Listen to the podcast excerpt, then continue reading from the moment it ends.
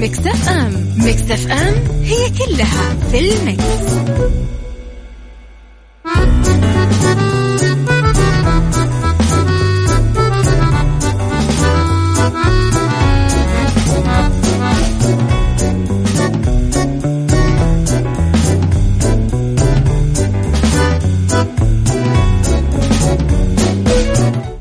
صباح الخير والورد والجمال والسعادة والمحبة والرضا وكل الأشياء الحلوة اللي تشبهكم. صباحكم خير وين ما كنتم من وين ما كنتم تسمعوني. أحييكم من وراء المايك والكنترول أميرة العباس. ثلاث ساعات جديدة نقضيها أنا وياكم وساعتنا الأولى أخبار طريفة وغريبة من حول العالم جديد الفن والفنانين وآخر القرارات اللي صدرت ساعتنا الثانية.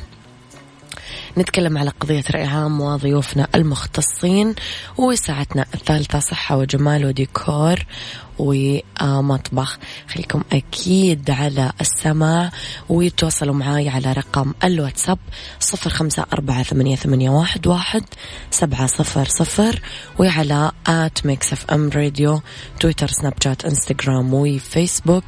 وكمان اسمعوني وين ما كنتم على تردداتنا بكل مناطق المملكة. وعلى آه طبعا تطبيق Mix FM على أندرويد و iOS آه Google Play أو App Store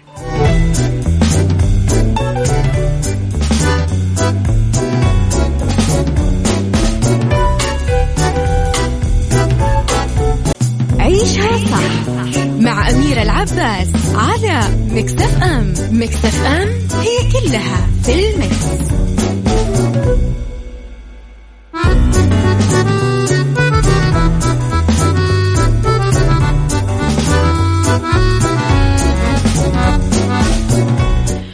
وزير الصحة يستعرض خطط تطوير القطاع الصحي في محافظة العلا.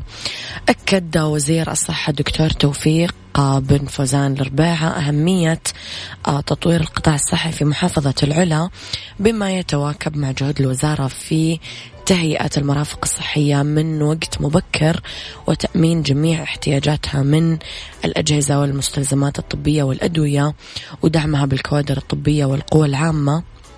والعاملة بمختلف فئاتها وليأتي بإطار اهتمام حكومة خادم الحرمين الشريفين وسمو ولي عهده الأمين حفظهم الله والحرص على تسخير جميع الإمكانات والتجهيزات لخدمة وراحة المواطن والمقيم والحفاظ على صحتهم وسلامتهم في مناطق المملكة كافة.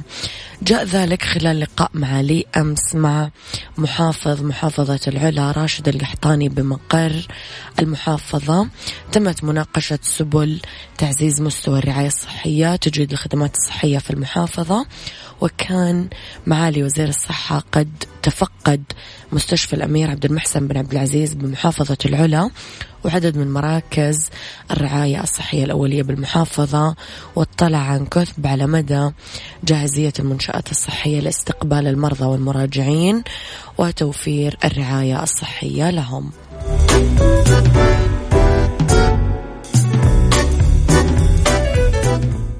عيشها صح مع أميرة العباس على مكتف أم مكتف أم هي كلها في المكس.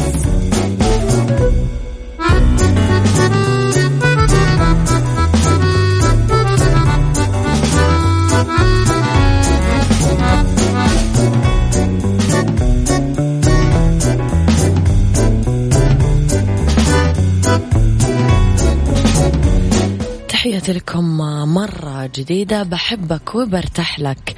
أنغام تحصد واحد فاصلة اثنين مليون مشاهدة على يوتيوب. حصدت الفنانة أنغام مليونين وثلاثمائة ألف مشاهدة على موقع آه، يوتيوب. أحدث كليباتها الغنائية. بحبك وبرتاح لك. بعد طرحها عبر قناتها الرسمية يوم 28 أغسطس. هذا كله يأتي بعدما روجت أنغام لأغنيتها خلال الفترة الماضية. وأعلنت أمس عبر حسابها على إنستغرام عن موعد طرحها عبر قناتها على يوتيوب. أغنية بحبك وبرتاح لك لأنغام من كلمات صابر كمال. ألحان إيهاب عبد الواحد توزيع الموسيقى تميم. وكانت آخر آه، أعمال أنغام ألبومها حالة خاصة جدا اللي فيه 14 أغنية. حتقول لي ربنا إيه حبايبنا حالة خاصة جدا. على حسك في أيامي ولا دبلت مطمنة يا ريتك فهمني. وفي كمان أساميك الكثيرة أنا أحبها مرة. خلونا نسمع آه، بحبك وبرتاح لك.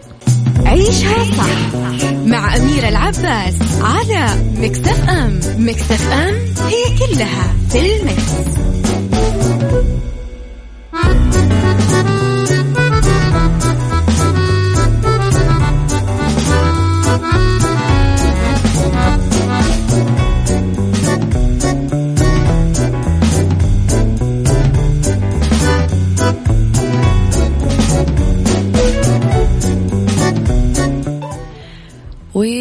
تحياتي لكم وصباحكم. ورد وين ما كنتم. أبو عبد الملك صباح الفل غيث صباح الفل.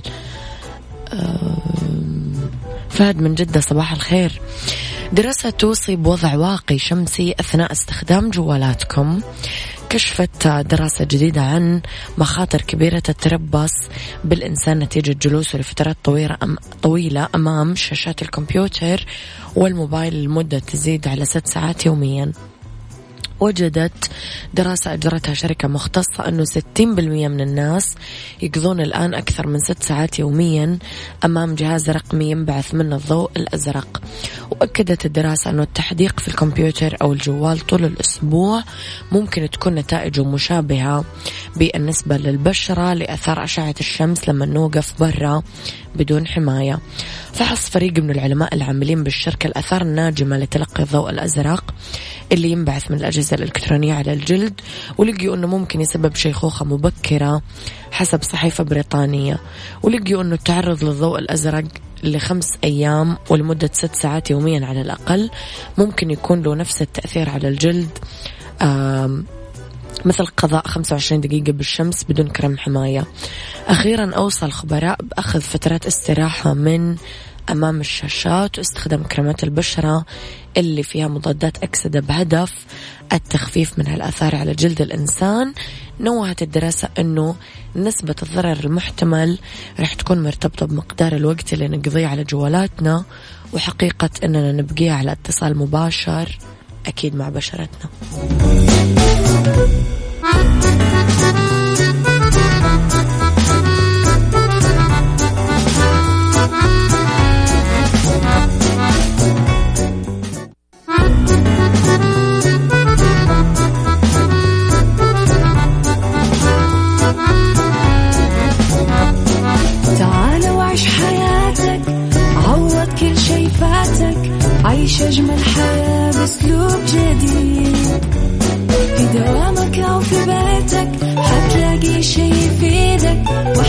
وحياتك إيه راح تتغير أكيد. رشاق ويتوكيت أنا في كل بيت. ما عيشها صح أكيد حتعيشها صح. في السيارة أو في البيت اسمعنا والتوفيق. تبغى الشي المفيد ما عيشها صح الآن عيشها صح مع أميرة العباس على مكتف أم مكتف أم هي كلها في المكس.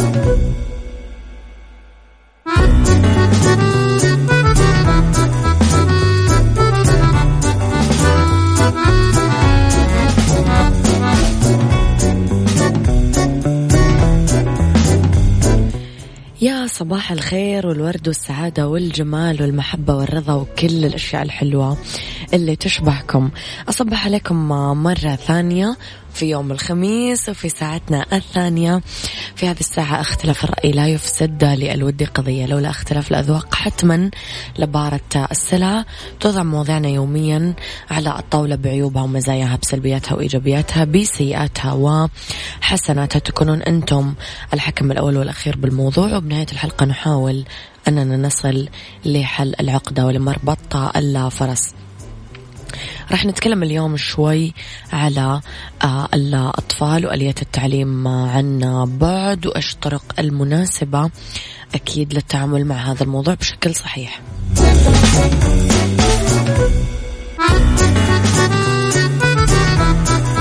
عيشها صح مع أميرة العباس على مكتف أم مكتف أم هي كلها في المكس.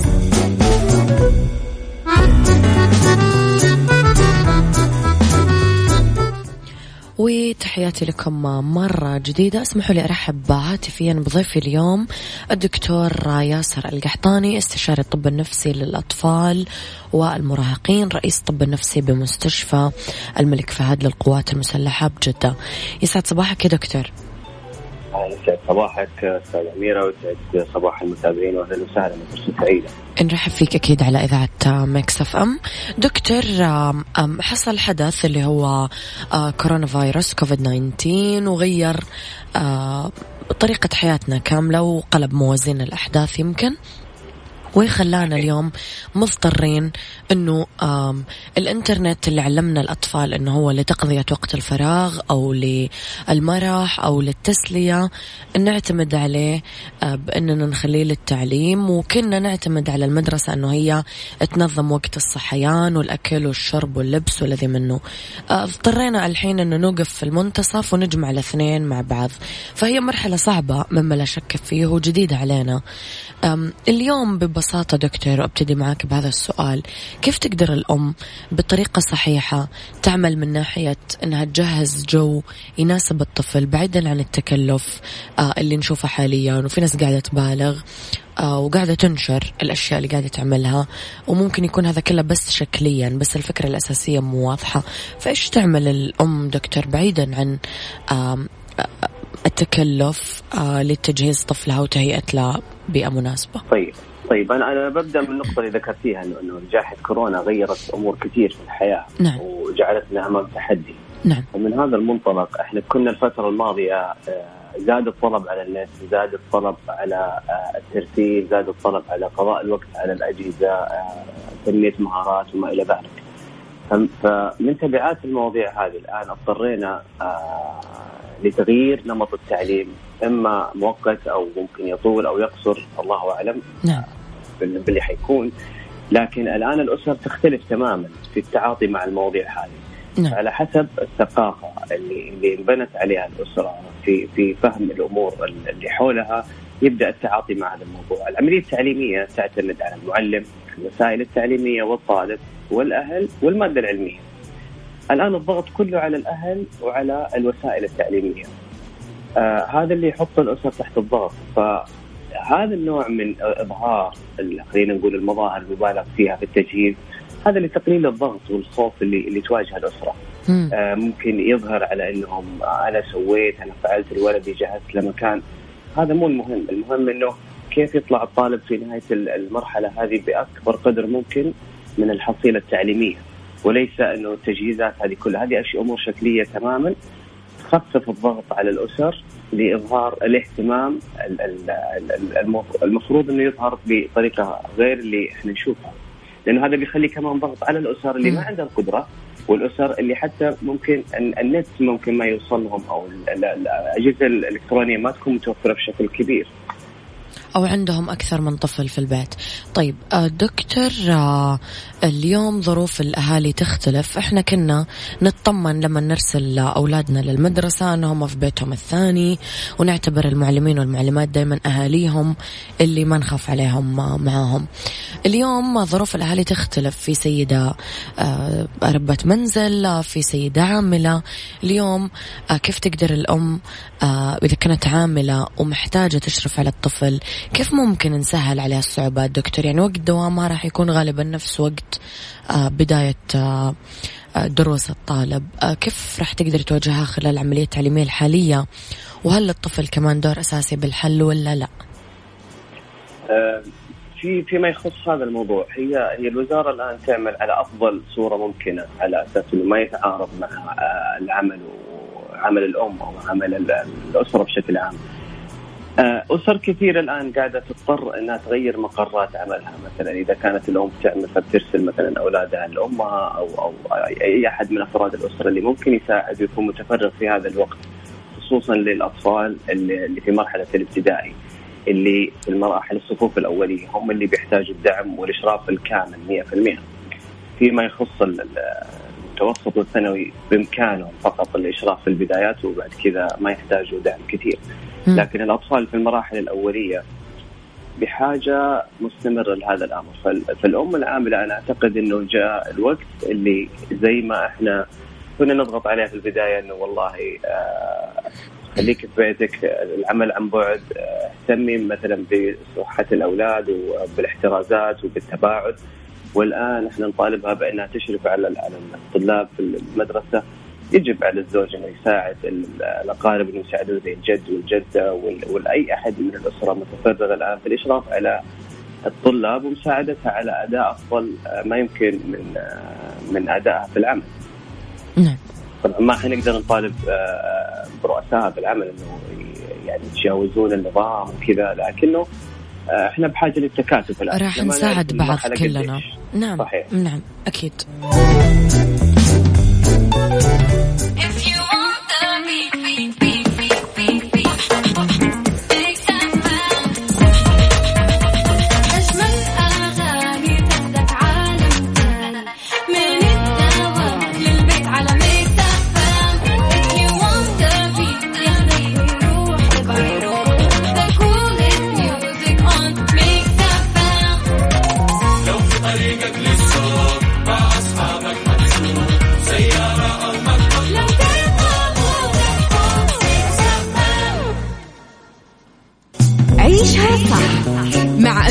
عباس على أف أم مكتف أم هي كلها في المكس.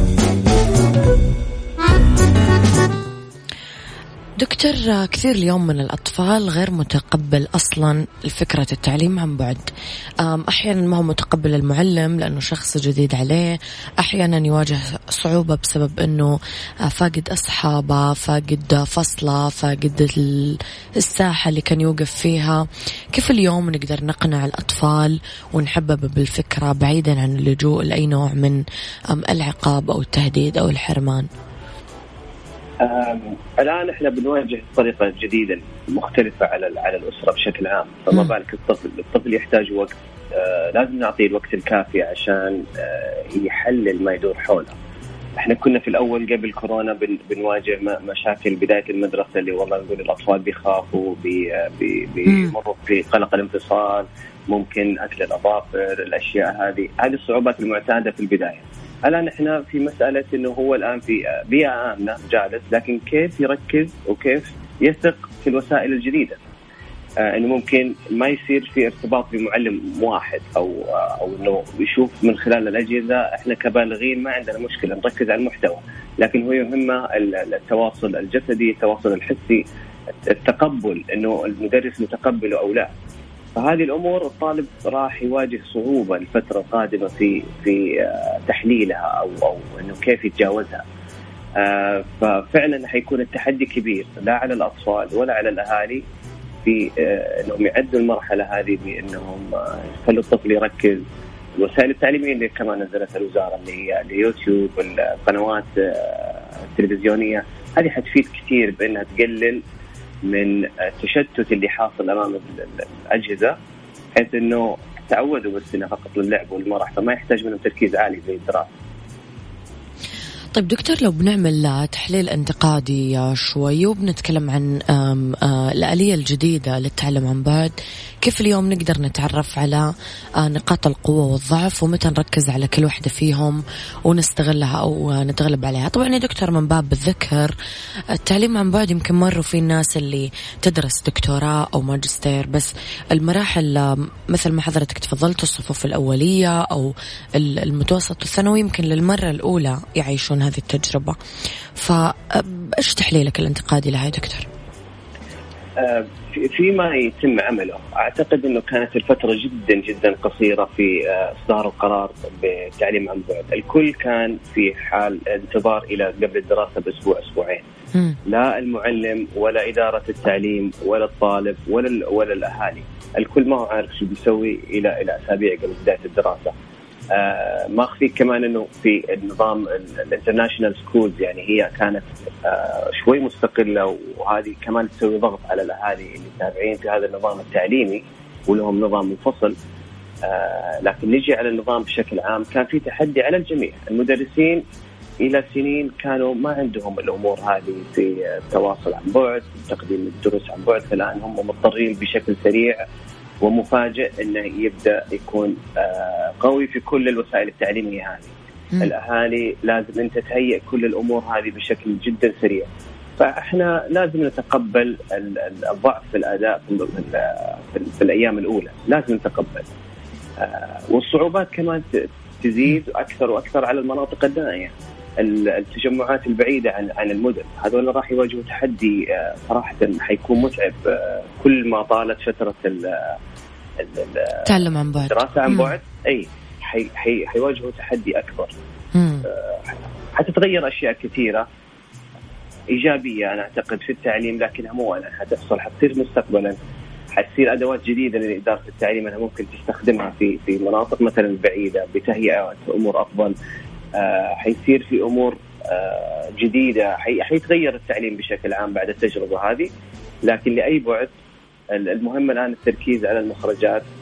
آه زي ما شفنا العام الماضي كان اللي هو النجاح من غير اختبارات. فهذه بحد ذاتها أعطت للطلاب إنه ترى التعليم عن بعد والأشياء هذه ما هي بالأهمية اللي في الحضور. وهذا هذا يحط كثير من التحدي علينا بإنه الآن مختلف عن اللي راح. الآن إحنا مضطرين لكن مطالبين بنتائج مطالبين بنجاحات مطالبين بتحصيل دراسي ولا كمان إحنا أمام تحدي إنه سنة ثانية ممكن تتعرض للنقص في الأداء. طيب دكتور أغلب الطلاب من خلال حوارنا معاهم صعب ياخذون موضوع مرتبط بالإنترنت على محمل الجد. يعني كما ذكرت لحضرتك ببدايه الحلقة إنه الإنترنت تعودنا إنه للترفيه وللوقت الفاضي وللذي منه. فكانت المدرسة غصبا عنهم تخليهم جديين لأنه يصحى ويلبس اليونيفورم الخاص بالمدرسة ويواجه الأساتذة بوجهه والإدارة والقرارات الصارمة. اليوم كيف نقدر نطبق أنه أنت لازم تصحى بدري تنظم نومك وتلتزم وفي حرمان وفي نجاح وفي رسوب وفي درجات وفي مواد؟ لو جينا على على الثقافات المجتمعية في في مجتمعات آه، خلينا نقول مثل المجتمعات الأمريكية والكندية يكون جزء الانترنت في العملية التعليمية وتأدية الوظائف هذا جزء أساسي. فما عنده مشكلة يعني في إنه لو انفصل عن المدرسة بحيث إنه النت أصلا من الأمور آه، اللي موجودة في التعليم والبحث هذا الأمر جديد علينا هنا شوي بإنه صار هو الأساس. فهذا اللي اللي أشرت له سابقا إنه حيكون نقطة تحول عندنا إنه الإنترنت الآن أو أو المسار عن بعد هذا مو فقط آه شيء آه ما نقدر نطبقه. إحنا لازم نتعود عليه في البداية. زي ما كنا والله في كورونا تعودنا لخمس شهور ماضية انه كيف نلبس الكمام ونتباعد والغسل اليدين المستمر. فالآن جاء الوقت إن إحنا نتعلم هذه الأمور الجديدة، صح إن إحنا أدخلنا مسألة الإنترنت والأمور هذه ترفيهيا على الأبناء لكنه ما يمنع إن إحنا الآن نجتهد بإنه نوريهم الجانب الإيجابي اللي إحنا كمان كمتخصصين كنا نقول للأهالي ترى مو كل شيء ما هو جيد في الإنترنت أو في, في الأجهزة هذه. كان في اتهام كبير للأجهزة هذه إنها تسبب توحد تسبب ضعف الانتباه. لا في أمور جيدة. الآن إحنا مضطرين إحنا نتعامل مع الأمور الجيدة ولازم نمشي عليها. الروتين أمر إلزامي. الطالب إذا اعطيناه كامل الحرية بإنه يصحى وقت ما يبغى ما في روتين فما حيلتزم. لازم يكون في وقت معين للاستيقاظ للنوم للأكل. الآن الجلوس على على الإنترنت والعمل على الجهاز عمل الدروس متابعة القنوات هذه كلها واجبات. لكنها وهو جالس في البيت هذا هو التحدي. كيف يلتزم؟ وهو في البيت تحت إشراف الأهل وما في على الأقل الفصل في هيبة المعلم في هيبة الإدارة في هيبة الحضور. انتقل من البيت إلى إلى إلى المدرسة لعمل شيء معين فهذا يعطيه هيبة الأداء. الآن هو في البيت. الآن التحدي إنك كيف تحترم المادة العلمية وانت جالس من غير ما تروح مكان خارج المنزل. فهذا يرفع من التقدير ما يقدم للطفل. أنا أعتقد إنه آثاره حتكون جدا إيجابية في المستقبل على الأطفال وعلى الأهالي بحيث انه احترام المحتوى ليس مرتبط ب آه، حضورنا لمكان لازم أحطك لمكانه وانتقالك مم. يعني خلاص المادة العلمية لها احترامها الخاص ولها آه، قدسيتها الخاصة. نعم دكتور في الختام إيش النصيحة اللي حابب توجهها للأهالي وللطلاب؟ نعطي آه، الطلاب أو الأطفال بشكل عام سواء كانوا أولاد أو بنات فترة لتحليل ما يدور حولهم. إحنا تقبلنا أو فهمنا لما يدور حوالينا يختلف عن أطفالنا. نسمع منهم آه، نساندهم. ما نحاول آه، نفرغ الضغط اللي اللي اللي على علينا كأهالي ننفجر فيهم. والله أنا مطالب بأن أولادي يكونون أفضل أقوم أضغط عليهم أو أتوتر أمامهم أو شيء. لا أحاول آه، أسيطر على انفعالاتي أخليهم هم يأخذوا الوقت الكافي لتحليل ما يدور حواليهم. إظهار مخاوفهم مساعدتهم لأنه الآن شيء مجهول بالنسبة لهم. حتى أنا بالنسبة لي كأب لكن هم أهم مني بأنه هذا الشيء جديد عليهم أنا بإمكاني آه، كبالغ آه، عندي مصادر كثيرة أقدر أتفهمها لكن هم عنده إلا أنا أنا مصدر الأمان بالنسبة لهم فلازم أكون آه، فعلا دائرة أمان جيدة له تخليه يقدر يتحول في المنطقة الجديدة هذه بكل أمان وكل حرية إن شاء الله. يعطيك ألف عافية دكتور نورتني اليوم وأكيد لنا استضافات قادمة بإذن الله, الله تعالى. أشكرك تحياتي لك. شكرا, لك. شكرا إذا كان ضيفنا الدكتور ياسر القحطاني استشاري الطب النفسي للأطفال والمراهقين رئيس الطب النفسي بمستشفى الملك فهد للقوات المسلحة بجدة. تحدثنا عن محاور تخص التعليم عن بعد وكيفية التعايش والتكيف معها بشكل صحيح كيفية تهيئة البيئة المناسبة كيفية تهيئة الأطفال نفسهم. قولوا لي رأيكم وتعليقكم على الموضوع على صفر خمسة أربعة ثمانية, ثمانية واحد, واحد سبعة صفر صفر.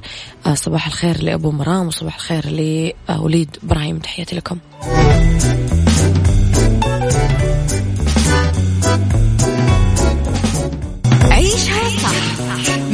مع أميرة العباس على مكتف أم مكتف أم هي كلها في المكس.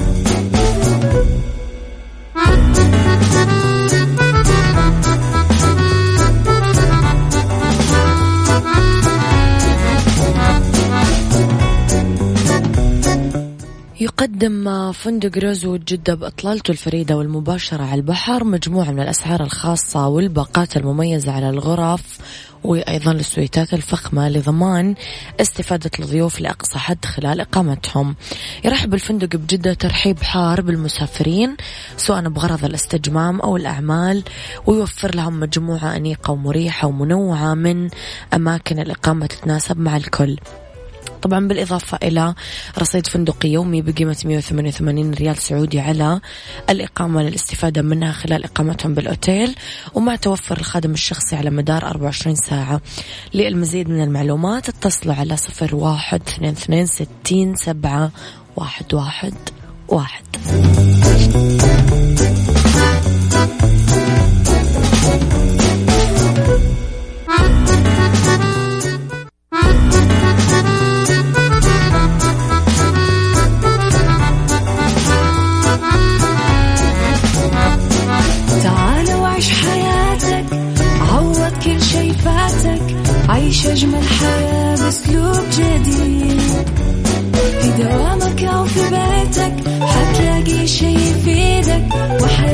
إيه راح تتغير أكيد. رشاق ويتوكيت أنا في كل بيت. ما عيش عيشها صح أكيد حتعيشها صح. في السيارة أو في البيت إضمعنا والتوفيق. تبغى الشيء المفيد ما عيشها صح. الآن عيشها صح مع أميرة العباس على مكتف أم مكتف أم هي كلها في المكس.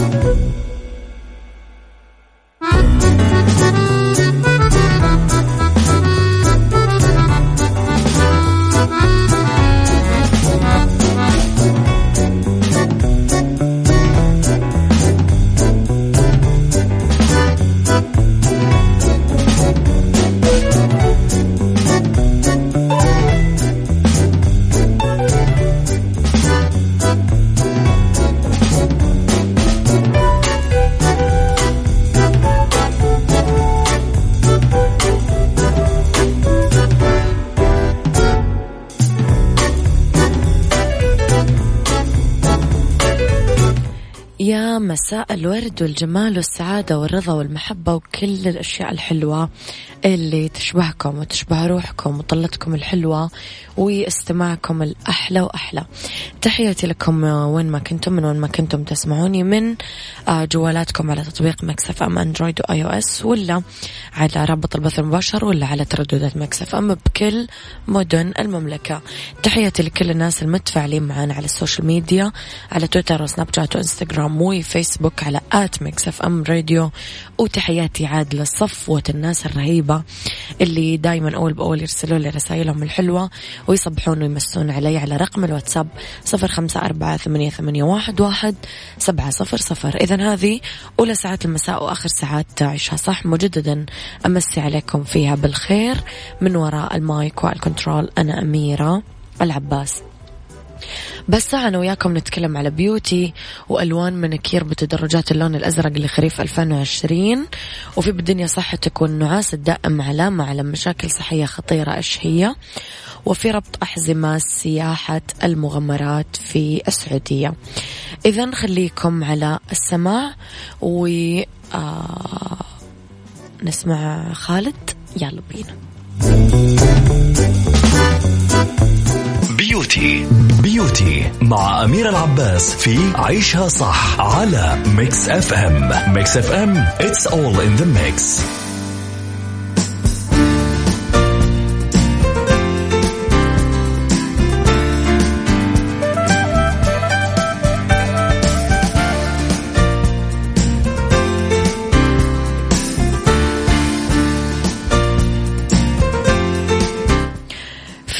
beauty وألوان ألو... ألوان. ألوان؟ مين ألوان؟ أوكي.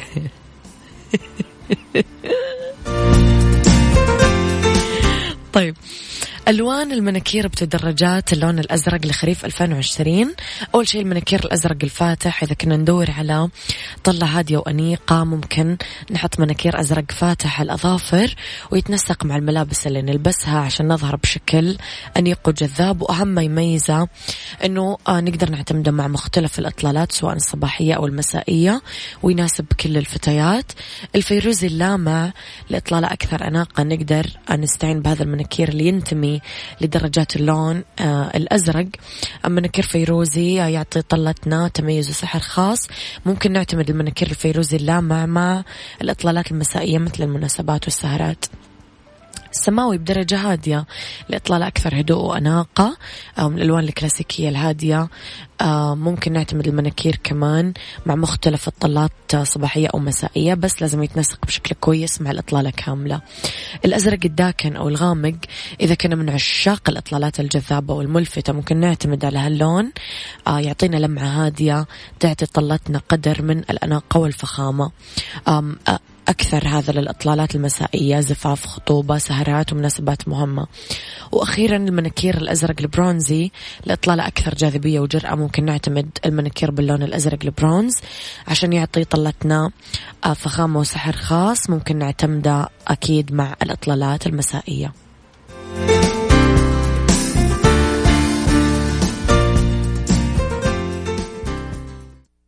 بالدنيا صحتك مع أميرة العباس في عيشها صح على Mix FM Mix FM it's all in the mix.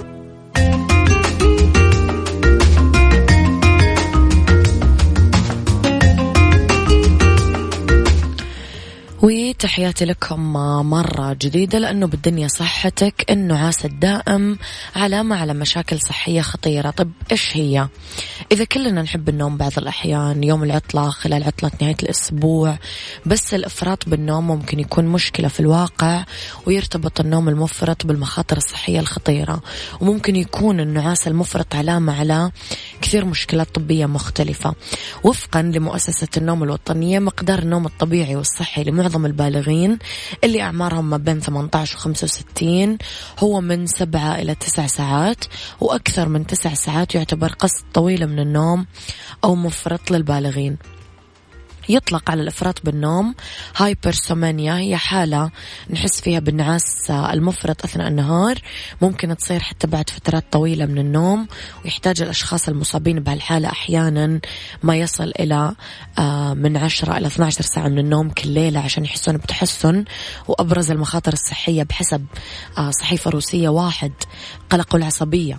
الاضطراب راح يترك المرضى يحسون بعدم الانتعاش والغضب والشعور بالنعاس طول اليوم. ضعف الوظائف المعرفية. ممكن يضعف الكثير من النوم الوظائف الإدراكية للإنسان ويسبب ضعف بالمجالات المعرفية عالية المستوى مثل اتخاذ القرارات. الاكتئاب ما يأثر النعاس المفرط على صحتنا الجسدية بس لا له تأثير كبير كمان على صحتنا العقلية. إذا كنا نعاني من الاكتئاب فمن المرجح أننا نطول بالنوم أكثر من اللي ما يعانون منها. ألام الجسد إذا كنا نعاني من ألام الظهر في النوم لفترات طويلة ممكن يؤدي إلى تفاقم الأعراض. آه الاستلقاء لفترات طويلة يؤدي خاصة بوضع غير مريح لتصلب العضلات وزيادة الألم وعدم الراحة. كمان زيادة الوزن. حتى لو ما كنا نعاني من اضطراب بالنوم ممكن يكون للنوم المنتظم تأثير سلبي على صحتنا. مثلا في أحيانا علاقة بين النوم لفترات طويلة والسمنة. على الرغم من أنها ما هي بالضرورة علاقة سبب ونتيجة ممكن يعني الأشخاص اللي ينامون لفترات طويلة اكتئاب سرطان أو مشكلات أخرى تؤدي كمان للسمنة.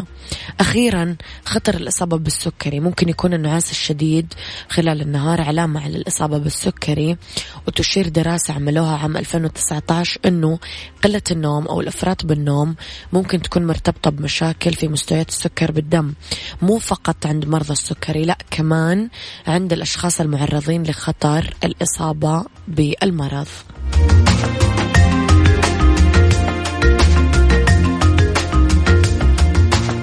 ربط أحزمة مع أميرة العباس في عيشها صح على Mix FM Mix FM it's all in the mix, It's all in the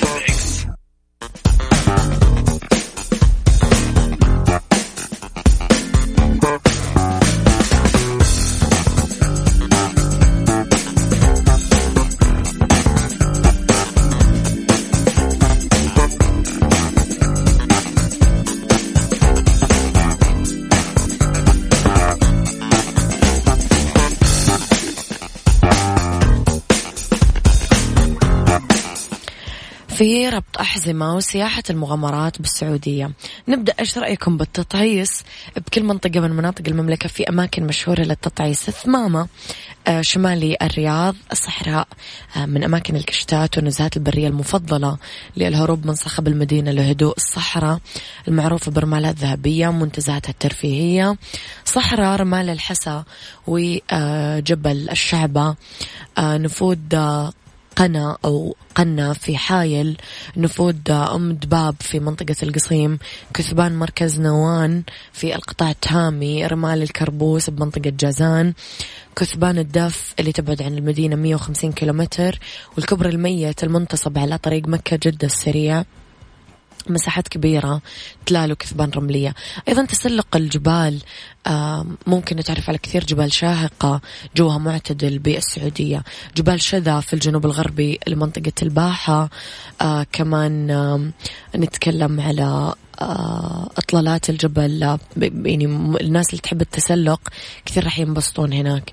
الغوص الشواطئ السعودية كثير تستقطب الناس اللي تحب الغوص لأنه فيها شعب مرجانية لينة وصلبة بكثافة في البحر الأحمر. أسماك القرش والدلافين والسلاحف كلها متواجدة بأنواعها. جزر فرسان آه وشاطئ آه ثول وشرم أبحر آه كلها مناطق جاذبة للسياح بشكل آه مهول. مناطق جذابة وجميلة وتحمس وتحس فيها فعلا أنك عملت تجربة جديدة وفريدة من نوعها.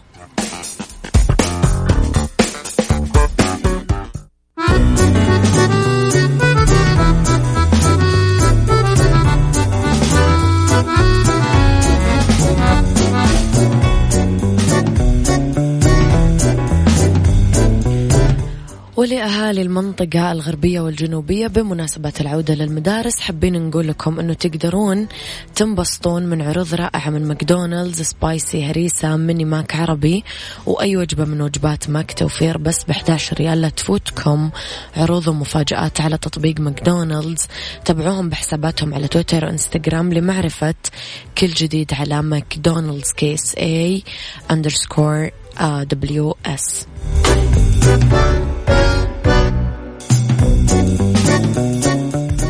هذا كان وقتي معاكم. كونوا بخير واسمعوا عيشها صح من الأحد للخميس من عشرة صباح للواحد الظهر. كنت معاكم من وراء ال mic وال control أميرة العباس.